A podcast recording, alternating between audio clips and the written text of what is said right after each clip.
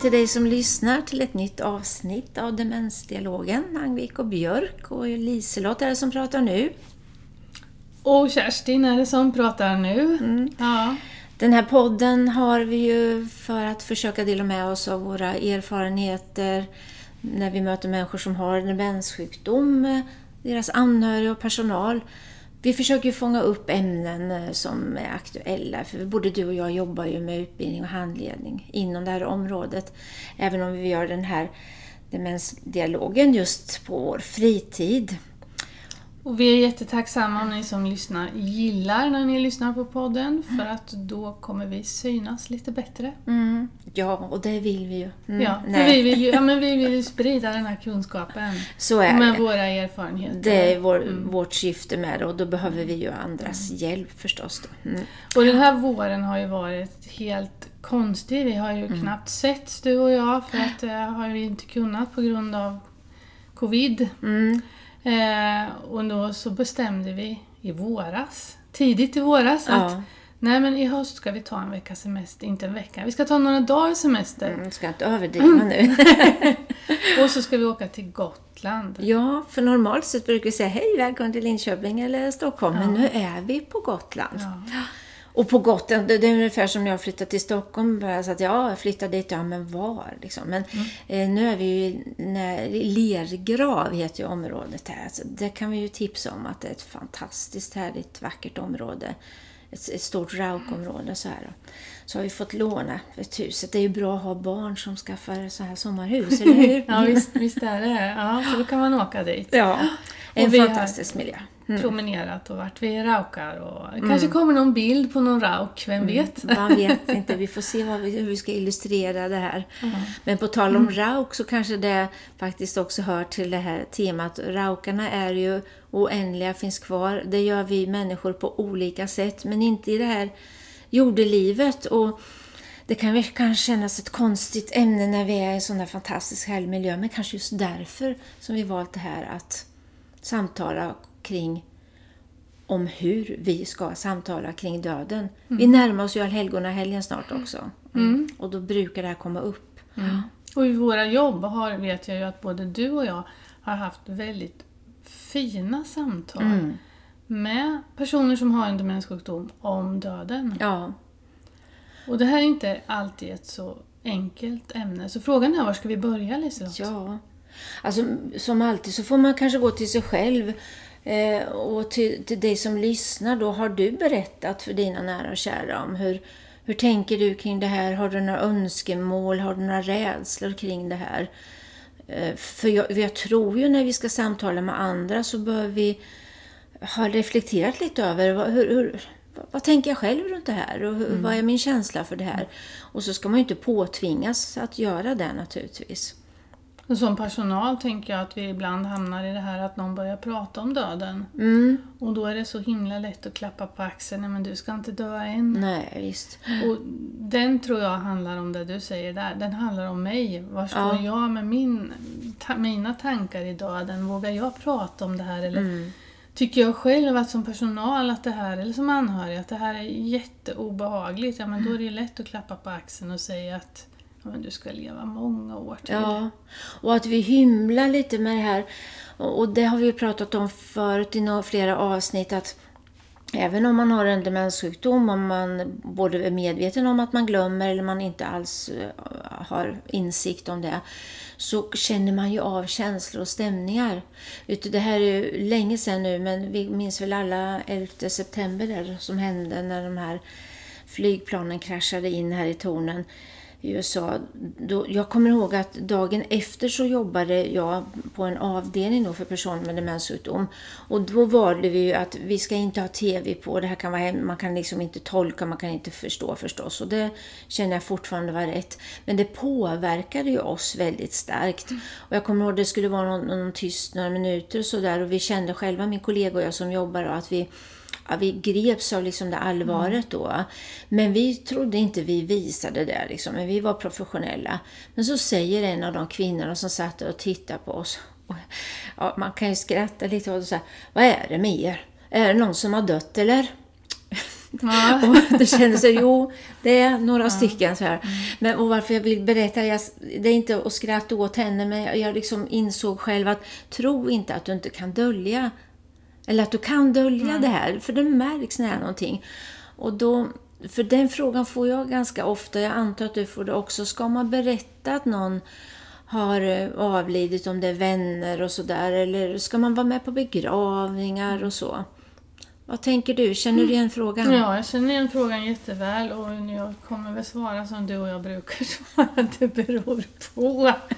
Men jag tror så här, alltså jag tror, ju, jag tror att det har framgått i den här podden att vi tror på ärlighet. Mm.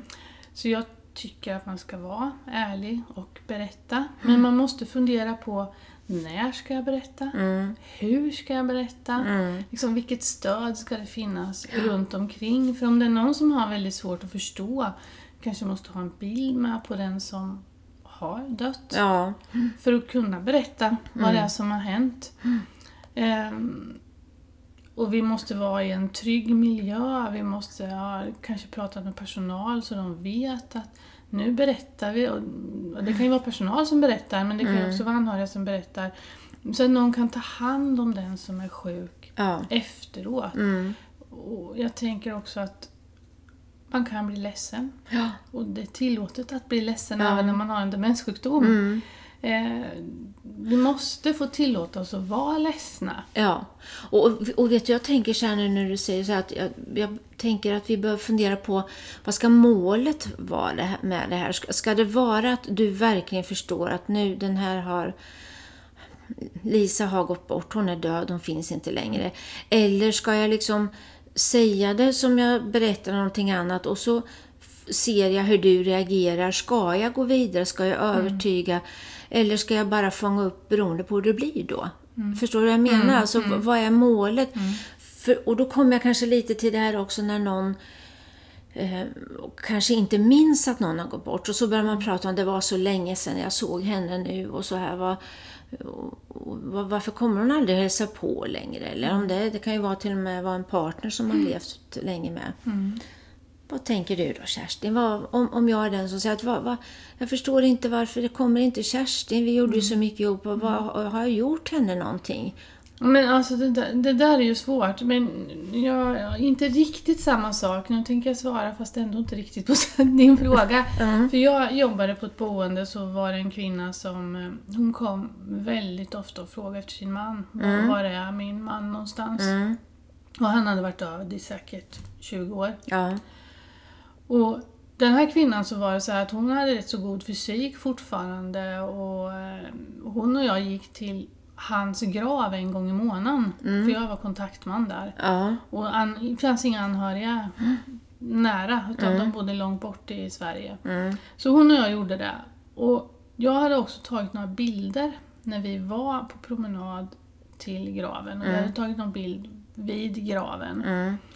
Och ibland när hon började prata om sin man och var är han, han och hon var ganska arg och upprörd också. Mm. Då brukade vi sätta oss och prata och först är det ju det här som du och jag pratat om förut. Ja, men vi pratade lite alldagligt om, um, vi försökte inte direkt gå in på honom där. Om det gick, vi gick och hämtade lite kaffe. Och, Mm. men sen brukade jag prata om att jag, du och jag brukar ju gå till kyrkogården och så tog jag fram bilder och det var bild på honom, det var bild på kyrkogården, det var bild på gravstenen. Mm. Och då, det var inte jag som knäppte henne på näsan liksom, och sa att han lever inte, utan hon själv brukade komma och säga efter en stund Just det ja, det är ju länge sedan han dog. Ja. Han blev ju sjuk, jag tror, om jag minns rätt så hade han något hjärtfel. Mm. Och det kunde hon komma ihåg då. Ja.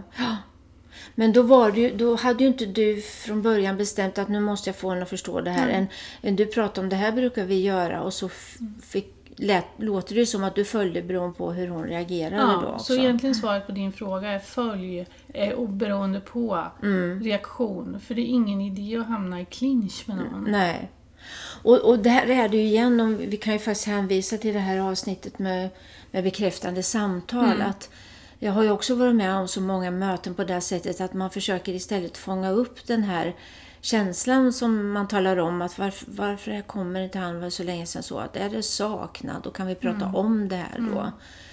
Men ibland så behöver vi också verkligen vara ärliga när vi får en direkt fråga. Och som du sa förut att ja, men man kan behöva sörja och det kan man behöva göra många gånger. Men, men målet behöver ju inte vara att du måste förstå att så här Nej. är det. Och då kan man också fundera, för det kan ju finnas de som kommer 40 gånger om dagen och frågar efter sin döda man. Ja, Och så säger man att han är död. Och så är det ett besked, ett dödsbesked 40 gånger om dagen. Vad tänker du om det? ja, jag skulle inte orka en hel dag och få 40 besked Nej. om något så fruktansvärt hemskt. Då. En där är det ju igen, tänker jag, att fånga den där, prata om känslan, prata om saknad. Eller kanske ibland glädje, att man vill minnas den här personen med att något roligt man gjorde ihop. Det får man försöka fånga ansiktsuttryck och, och vad personen säger verkligen så. Och om man kopplar det här till allhelgonahelgen som inte är allt för långt bort. Mm. Så kan det ju vara fint att få sitta och bara tänka på någon man har kär som inte finns Ja, längre. visst. Även när jag bor på ett boende. Att ett, jag vet att vi tände ett ljus och sen så... mm, Någon gång tände vi det ute, någon gång tände vi det inne. Vi resonerar lite så. Om man inte kan komma till graven, nej men det kan man inte. Men man, man kan ändå få en stund av den här st- Absolut. stillheten eller vad man Ja. ska säga. Och det, jag tror att många också tänker, eller funderar nu till allhelgonahelgen, ska jag ta med någon som är eh, lite förvirrad till, till graven eller kan det uppröra och sådär. Men jag tror att det beror väldigt mycket på hur man hanterar det. Och då kan man där igen kanske tänka att ja, vi går dit en vacker stund om man har haft den traditionen och gör det här tillsammans. Och så får vi se vad som händer. Börjar man att fråga och börjar man fundera, då tar vi de ärliga svaren just då. Det viktiga också är ju när man kommer tillbaka till boendet, Mm. om den här personen bor på ett boende, att man inte bara lämnar mamma där och säger Nej. Mm. hej då mamma, nu går jag. Utan att man gör, alltså, tar en fin stund även på boendet innan Ja. man lämnar. Och kan behöva ha, ibland ha en plan tillsammans med personalen, så Mm. någon personal tar över. Och då kan man ju tänka tvärtom om, om vi har, alltså att man bor hemma själv fortfarande. Eh, hur, hur kan vi göra då för att det ska kännas lite mm, tryggare och att det finns något ifall jag börjar bli lite förvirrad igen. Eh, nu har vi ju möjlighet med bilder kanske att skicka bilder via smartphone om det är personer som använder det. Eller kanske ta en bild när man är där på kyrkogården så att det blir som något som finns kvar när man kommer hem och tillbaka. Eller, Idag är det så enkelt med våra telefoner. Ja. Men man kan, man kan också faktiskt skriva ner kanske då men om en person kan ha svårt med, om det nu är så man har svårt med telefonen, att, att nu, idag var vi där och där, vi tände ljus och sådär, om man har möjlighet att läsa. Ofta kan man ju i alla fall läsa man, om man bor kvar hemma ändå. Så att det finns något kvar att stärka minnet, eller känslan rättare sagt kanske. Men det är ju också det här, jag, jag, det var ganska nyligen nu som jag fick frågan också om ska man vara med på begravning eller inte? Och det, det är klart, eh, nu behöver du inte säga det kan jag säga själv, att det beror på. Em, ja, och vad beror det på? Vilka val ska jag göra där?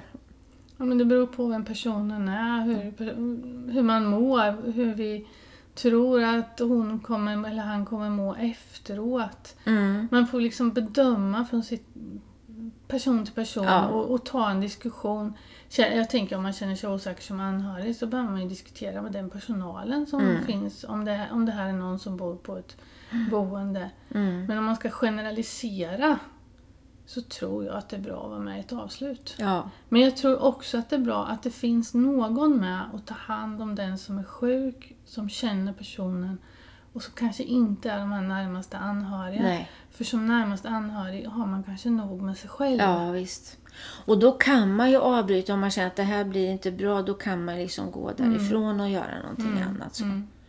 Men det är ju, jag tror att vi är lite fast i att, att ja, men det är bra för han måste förstå det här. Men jag upplever också att om, för många, många, även om man kommer långt i, i en demenssjukdom, så blir det liksom, det finns någon slags inre sanning och känsla att förstå. Och sen tänker jag att om jag som ja, om det vore min pappa jag tar med här då, då kan jag känna mig lite tryggare att du var med pappa. Mm. När någon säger, men varför fick inte jag det? Ingen har sagt det här till mig. Så även om jag inte behöver övertyga om det här så vet jag att det var du. Så mm. att jag behöver brottas med något dåligt samvete heller. Mm. Mm. Men jag tror ibland att vi blir lite för beskyddande. Och vi tänker att det är mm. bättre han eller hon inte vet om det här för de skulle bli så ledsen då. Men den där, det finns som sagt någon slags sanning. Då är vi lite eller, ja, rädda för den här ja, ledsenheten. Ja, precis. Rädda för att tillåta de här mm. naturliga känslorna som vi behöver få utlopp för. Ja. Alltså det handlar ju glädje och skratt och det här, det är väl jättelätt att låta någon få vara glad. Ja. Men att låta någon vara tillåta någon vara ledsen mm. eller arg, den är ju mycket, mycket svårare. Ja, absolut. Men jag har varit med om en annan sak som inte var så enkel, tyckte jag då. Eh, en person som berättade för mig precis hur han ville ha sin begravning. Mm. Och sen när han hade berättat efter en stund så sa jag, vet dina barn det här? Mm. Och då så svarar han mig att, nej det här vet inte mina barn, det får du berätta för dem. Okej. Hur kändes det då? Ja men den var ju jättesvår tyckte jag. Mm. För den behövde ju han och barnen prata om. Och det var ett väldigt stort förtroende som du mm. fick. Ja. Mm. mm.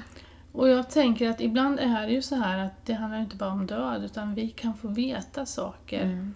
som man kanske inte har pratat om i familjen. Nej.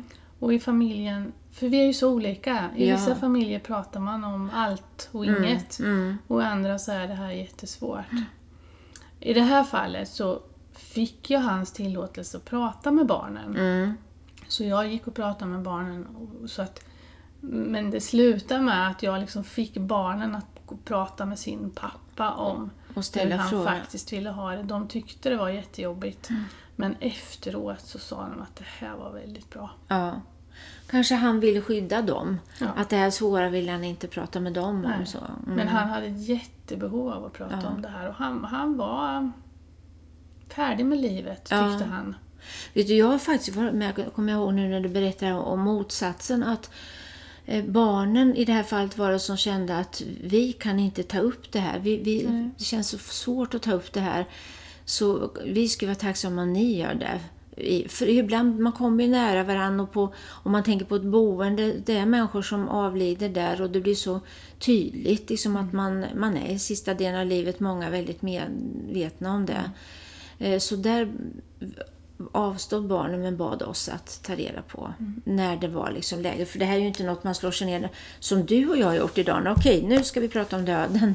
Men det är ju att fånga de där mm. stunderna. Kanske mm. det något annat som har hänt och så blir man påmind. Och så den här allhelgonahelgen, det, det är mycket minnen som kommer tillbaka. För i, i många traditioner så är det ju så att man uppmärksammar de som har mm. gått bort. Mm. Idag finns ju, alltså jag tänker jag som frisk, Vita arkivet. Ja. Och att det är ju viktigt att jag skriver ner hur jag mm. vill ha det. Och att jag berättar för min familj. Ja, det underlättar ju så mycket ja, alltså. Mm. Men det gör ju det. Och för vad vet jag om morgondagen? Jag har ingen Nej. aning om vad som kommer hända mig. Jag kommer att tänka på en annan sak nu. Man tänker för vem skulle göra det här? Det är ju alltid ett samspel människor emellan. Och jag tänker om jag, om jag anser mig att vara den friska då, då, då tänker jag, är det här viktigt för mig att min anhörig som har, eller närstående som har en demenssjukdom är med, då är ju det en viktig aspekt också. Mm. Ändå, mm. då, som du sa, tänka hur kan vi göra det här på så bra sätt som möjligt nu då. Mm.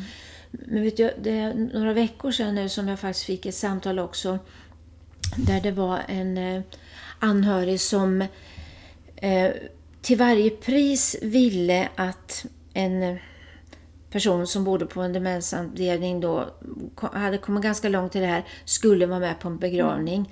Men där det stod väldigt tydligt i levnadsberättelsen och faktiskt också att den anhörig kände till att den här personen har aldrig velat gå på begravningar, inte ens när det har varit dem nära. Alltså. Mm. En, nej, det här är inget för mig, jag vill inte vara Jag känner mig helt nöjd att någon annan är jag, jag sänder mina blommor, jag skriver någon dikt, jag gör någonting, men jag vill inte vara med på ceremonin. Så hade det varit under hela livet. Mm. Men nu tyckte den här anhöriga då att men det här är så viktigt, de här har varit så nära varandra att hon, hon, jag tycker hon ska med. Men då var det en klok sjuksköterska som verkligen funderade och tänkte i de här banorna för vems skull då. Så vi hade, vi hade en dialog om det här och sen så tog hon upp diskussionen igen då. För vems skull ska hon vara med? Är det viktigt för henne? Eller har hon faktiskt talat om väldigt tydligt i sin levnadsberättelse att jag vill inte delta vid de här ceremonierna. Så, så mm. olika mm. aspekter är det ju mm. verkligen. Mm. Många gånger behöver man ju kanske som närstående någon att bolla med. Mm. Frågan, hur tänker jag rätt? Tänker vi rätt? Hur ska vi göra? Ja. ja. Och vad är rätt och fel? Det, det är ju också så att vi kanske inte får svaren Nej, alltid. Det är inte, men man behöver ändå Mm. För ibland är det så här, bara att jag, du lyssnar på mig och jag sätter ord på mina tankar mm. så kommer jag fram till själv vad jag tror mm. blir bäst. Ja. Rätt eller fel, det men alltså vad som är bäst att göra och så här. Nej men mamma hade nog inte velat det här eller mamma hade verkligen mm. skulle vilja så att vi gör så här. Ja. Hur? Ja, och det, hela tiden är det ju det här att försöka fånga upp vad människor förmedlar, vad är det för känsla människor förmedlar mm. till oss och prata kring där. Mm. Men på direkta frågor, då ska vi vara så ärliga vi kan på ett respektfullt sätt. Mm. Men målet behöver inte vara att jag ska förstå det. Jag kan behöva få minnas, jag kan behöva få sörja om igen, jag kan behöva få prata om det här. Och det kommer man tillbaka till i, i många lägen. Ja gör man. På tal om att och hitta de här samtalen och hur man ska samtala. Det finns ju en, en kortlek, låter konstigt, men det är så den är utformad, som heter Dö bra. Har du sett den? Nej. Eh, den kan vi faktiskt tipsa om också. Alltså det är som mm. samtalskort. Mm. För ibland är det ju svårt att veta hur ska, hur ska jag då, eller alltså vilken tråd ska jag dra? Hur ska jag börja prata om det här? Mm. Eh, som, som kan leda en och få, man kan få lite stöd i ett samtal. Så här. Mm. Där måste man förstås också vara väldigt varsam. Var befinner du dig? Vilken situation är du i? Mm. Och, mm. eh, har du förmåga att kunna fundera på det här? Mm. Men många tänker mycket mer och funderar på sin död mot vad vi tror.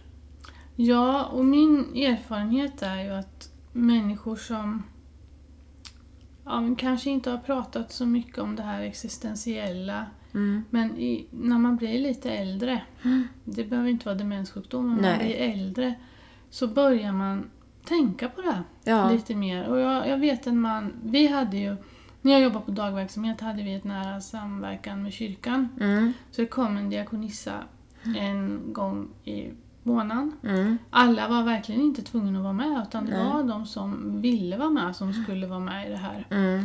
Men det var en man, jag vet att han hade aldrig varit kyrklig. Han hade nog snarare tagit ganska stort avstånd från kyrkan. Ja. Men när hon kom ville han alltid vara med. Mm. För någonstans, nu när han blev äldre, han hade fått en demenssjukdom, så mådde han gott av att få börja tänka på det här. Mm. Prata om det här i en tillåtande miljö. Ja. Tror inte du att väldigt många av oss i den här pandemin som har varit och fortfarande är att de här frågorna har dykt upp, att vi har börjat mm. fundera på vad är viktigt i livet och inte och vad, hur tänker jag om det här? Mm. En del är jätterädda och andra tänker att ja, det blir väl så.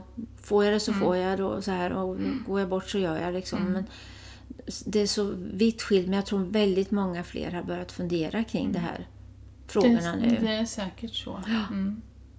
Och, men som du säger, i slutet av livet när det sen inträffar så har vi en, ett behov av att summera, försöka sammanfatta mm, och mm, fundera på mm. hur det blir och inte blir och sådär. Och med de orden får vi nog sammanfatta det här avsnittet ja, tror jag. Det säger du, så vi kan ja. ta en promenad här på, på Gotland igen ja, bland raukarna. I blåsten. Och hur sammanfattar vi då? Eh, var inte rädd för eh, att ta prata om det. Stanna mm. kvar. Mm. Om någon lyfter det, så stanna kvar och, och prata om det. Mm. Ska vi berätta, ska vi inte berätta? Personligt, från person till person. Men vi kanske ska berätta på ett varsamt sätt. Men inte huvudmålet behöver vara att du riktigt ska förstå. Eller? Mm. Vi lägger ut lite tips tycker jag. Vi gör som, Som vanligt, vanligt. sammanfattar det. Mm. Och lite tankar från oss runt det här svåra men otroligt viktiga ämnet. Mm.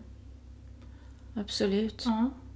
Och nu blev det nästan så här att hur, hur ska man sammanfatta och säga hej då så här. Men eh, som sagt, eh, Allhelgonahelgen, antingen är vi det när du lyssnar har varit och det här är ju alltid aktuellt ämne men ta människors känslor på allvar och stanna även i det svåra. Fast vi nu tänker glädje och tacksamhet att vi får vara på Gotland ett tag. ja. Och ha det bra alla ni som har lyssnat och tack för oss och tack för den här gången. Mm, vi hörs. Hej! Hej hej!